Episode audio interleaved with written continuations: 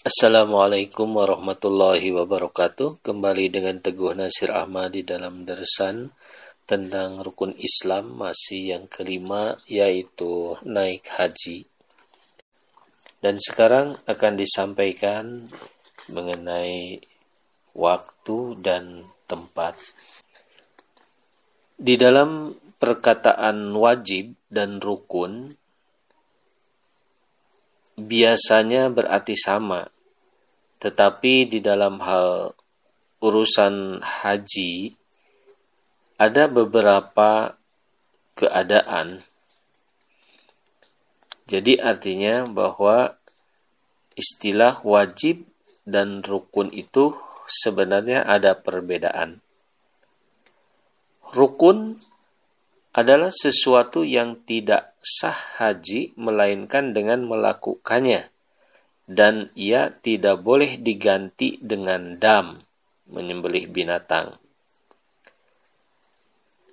Jadi sesuatu yang kita tidak melaksanakan maka haji itu tidak sah dan tidak ada damnya untuk menyembelih binatang. Kemudian yang kedua adalah wajib Wajib adalah sesuatu yang perlu dikerjakan, tetapi sahnya haji tidak bergantung kepadanya dan boleh diganti dengan menyembelih binatang. Jadi itulah perbedaan antara wajib dan rukun ya. Jadi rukun itu sesuatu yang nggak bisa diganti. Kalau tidak bisa melaksanakannya ya sudah dia tidak bisa melaksanakannya. Nah, kalau yang disebut wajib di sini artinya adalah sesuatu yang apabila kita tidak bisa melaksanakan bisa diganti dengan dam atau tebusan. Kemudian selanjutnya hadirin yang berbahagia ada yang disebut mikot. Ikhram dari mikot yakni tempat yang ditentukan dan masa tertentu atau ketentuan masa. Ini disebut mikot zamani. Mikot zamani adalah dari awal bulan Sawal sampai terbit fajar hari raya haji, tanggal 10 bulan haji. Jadi ihram haji wajib dilakukan dalam masa dua bulan sembilan setengah hari. Sebagaimana firman Allah Subhanahu wa taala, A'udzubillahiminasyaitonirrajim, Al-Hajju Ashurum Ma'lumat. Musim haji adalah beberapa bulan yang dimaklumi. Surat Al-Baqarah ayat 197 tafsir sahabat tentang bulan-bulan yang dimaklumi itu menurut asar Ibnu Umar adalah Anibni Umar qala ashurul haji sawalun wa qa'dati wa asarum min dil hijjah dari Ibnu Umar bulan haji itu ialah bulan Sawal Zulkaidah dan 10 hari bulan haji. Ini diriwayatkan oleh Bukhari. Nah, jadi itu penjelasan tentang ikhram dari mikot yakni yang disebut eh, mikot zamani ya. Nah, sekarang yang disebut ketentuan tempat atau mikot makani. Mekah ialah tempat ihram atau mikot orang yang tinggal di Mekah. Berarti orang yang tinggal di Mekah hendaklah ihram dari rumah masing-masing. Kemudian yang kedua Zul Hulaifah ialah mikot atau tempat ihram orang yang datang dari arah Madinah dan negeri-negeri yang sejajar dengan Madinah. Kemudian yang ketiga disebut zuhfah.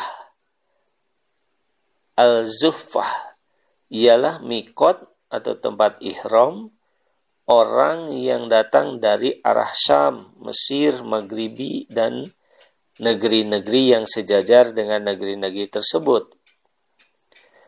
Zuhfah adalah nama suatu kampung di antara Mekah dan Madinah. Kampung itu sekarang telah rusak atau roboh. Kampung yang dekat kepadanya ialah Robig. Orang-orang yang datang dari negeri-negeri tersebut sekarang mulai ihram apabila mereka telah melalui atau sejajar dengan Rabi. Kemudian yang keempat, Yalamlam. Nama suatu bukit dari beberapa bukit Tuhamah.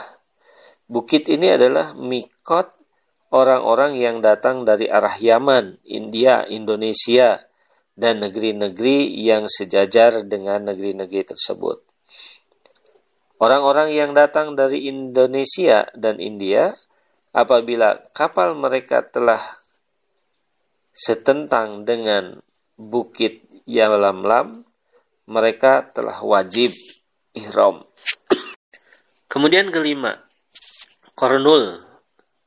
Kornul Madnazil adalah nama sebuah bukit jauhnya kira-kira 80,640 km dari Mekah. Bukit ini merupakan mikot orang yang datang dari arah Najdil, Yaman, dan Najdil Hijaz, serta orang-orang yang datang dari negeri-negeri yang sejajar dengan itu. Yang keenam, Zatu Irqin adalah nama kampung yang jauhnya kira-kira 80,640 km dari Mekah. Kampung ini merupakan mikot tempat ihram orang yang datang dari Irak dan negeri-negeri yang sejajar dengan itu. Yang ketujuh, bagi penduduk negeri-negeri yang ada di antara Mekah dan mikot-mikot tersebut, mikot mereka ialah negeri masing-masing. Dari Ibnu Majah Rasulullah Shallallahu Alaihi Wasallam telah menentukan tempat wajib ihram bagi tiap-tiap penduduk, yaitu bagi ahli Madinah ialah Zulhulaifa, bagi ahli Sam ialah Zuhfah, bagi ahli Najd ialah Karnul Manazil dan bagi ahli Yaman ialah Yalamlam.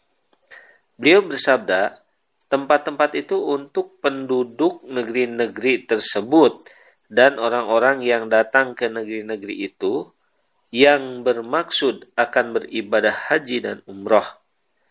Adapun orang-orang yang negerinya lebih dekat ke Mekah dari tempat-tempat tersebut, maka mikotnya negeri masing-masing.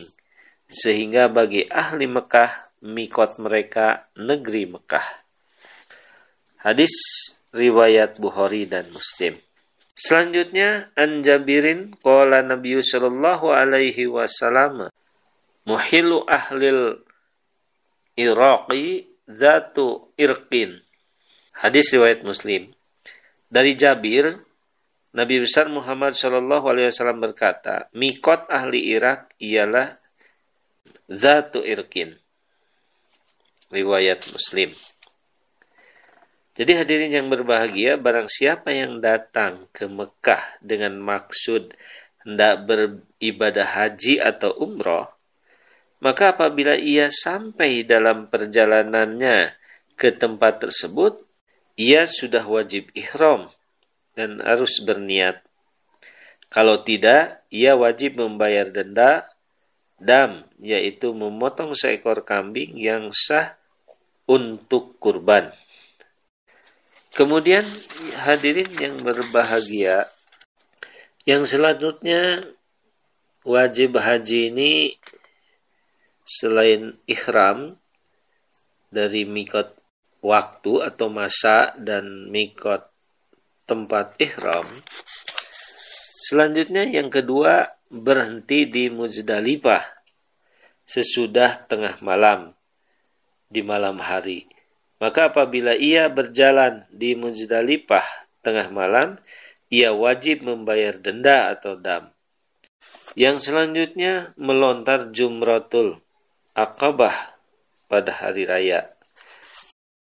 Dari Jabir, ia berkata, saya melihat Nabi Shallallahu Alaihi Wasallam melontar jumrah dari atas kendaraannya pada hari raya. Lalu beliau bersabda, Hendalah kamu turut cara ibadah seperti yang aku kerjakan ini. Karena sesungguhnya aku tidak mengetahui apakah aku akan dapat mengerjakan haji lagi sesudah ini. Hadis riwayat Muslim dan Ahmad. Hadirin dan hadirat yang berbahagia, saya kira sampai di situ dulu.